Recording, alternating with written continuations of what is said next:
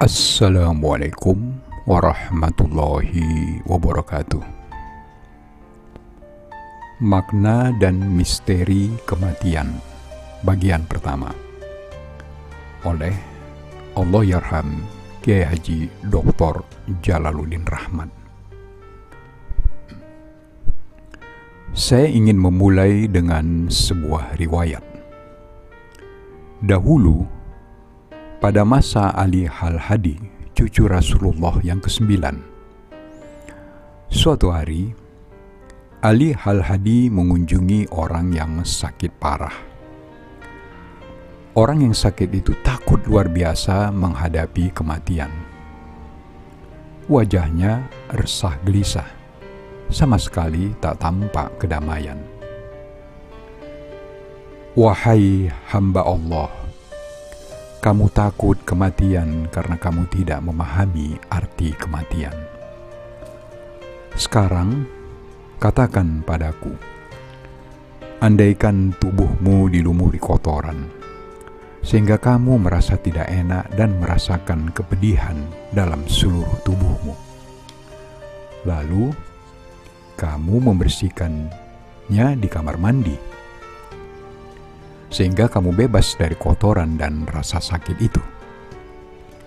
Dalam kondisi demikian, apa yang hendak kamu lakukan?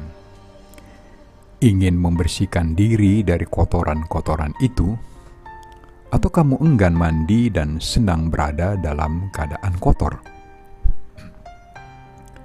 Orang yang sakit itu menjawab, "Wahai cucu Rasulullah." Saya lebih baik memilih mandi membersihkan diri. Ali Hal-Hadi berkata, Ketahuilah, kematian sama dengan kamar mandi. Kematian adalah kesempatanmu yang terakhir untuk membersihkan kamu dari dosa-dosamu, membersihkan kamu dari keburukan-keburukanmu. Jika kematian menjemputmu sekarang, tak meragukan lagi bahwa kematian itu akan membebaskanmu dari semua derita dan kepedihan, serta akan memperoleh kebahagiaan yang abadi. Setelah mendengar perkataan Imam Al-Hadi itu, orang yang sakit tadi berubah cerah ceria. Kedamaian tampak pada wajahnya.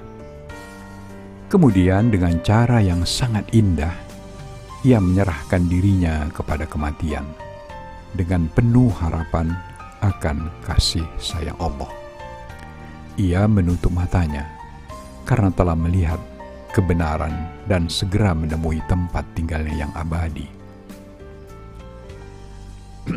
Di sini ada satu makna kematian yang diajarkan oleh orang-orang suci sepanjang sejarah dan bersumber dari Rasulullah sallallahu alaihi wa alihi wasallam yaitu kematian sebagai proses penyucian. Ibn Al-Qayyim Al-Zauziyah di dalam Madaris As-Salikin, sebuah kitab yang terdiri dari tiga jilid, dan khusus menafsirkan ayat Iyaka na'budu wa iyaka nasta'in pada bab tentang taubat bercerita tentang at-tamhish atau proses pembersihan atau pemutihan yang mencerminkan kasih sayang Allah Subhanahu wa taala.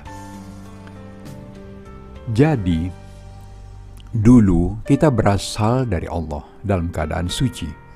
Kemudian kembali kepadanya mesti dalam keadaan suci pula. Sebagaimana anak-anak yang meninggalkan rumah setelah mandi kita bermain-main di halaman dunia ini.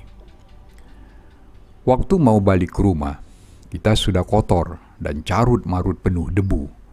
Kotoran itu membuat gatal sekujur tubuh kita dan kuman-kuman melekat tak mau meninggalkan kita, kecuali kalau kita mandi membersihkan diri. Allah yang Maha Kasih juga tidak mau menerima kita. Sebelum kita kembali dalam keadaan suci. Dalam salah satu ayat Al-Quran, Allah menegaskan Aku akan hidupkan kamu sebagaimana dulu aku hidupkan.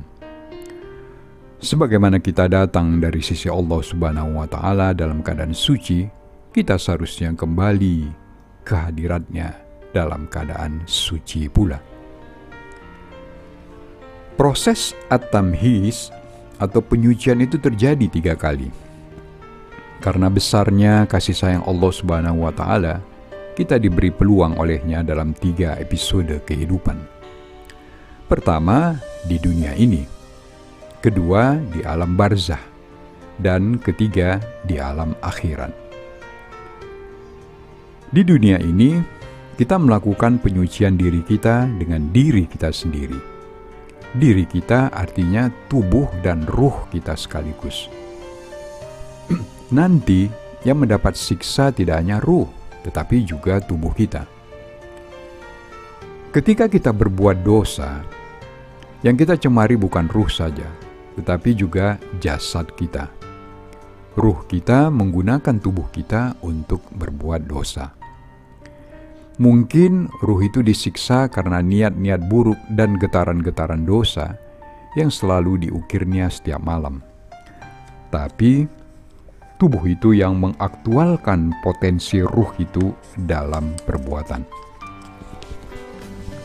Jadi, kita bisa membersihkan diri kita itu secara sengaja dengan diri kita sendiri.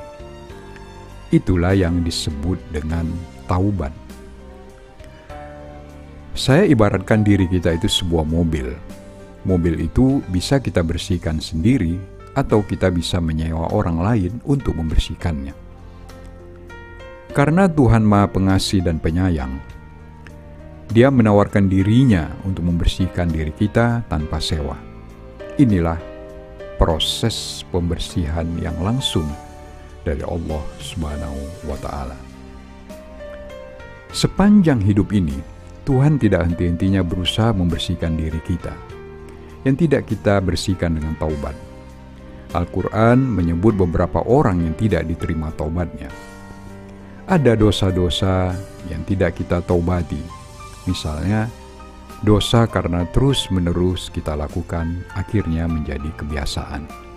Kemudian, kita memberikan justifikasi terhadap dosa-dosa itu. Akhirnya, kita tidak menganggapnya lagi sebagai satu dosa. Konsekuensinya, tidak akan ada perasaan bersalah dan pada gilirannya tidak ada keinginan untuk bertaubat. Karena itulah, saat kita mati nanti, dosa-dosa itu masih mengotori diri kita. Dosa-dosa itu belum dibersihkan dengan taubat. Wa ma taufiqi illa billah alaihi tawakkaltu wa ilaihi unib. Wassalamualaikum warahmatullahi wabarakatuh.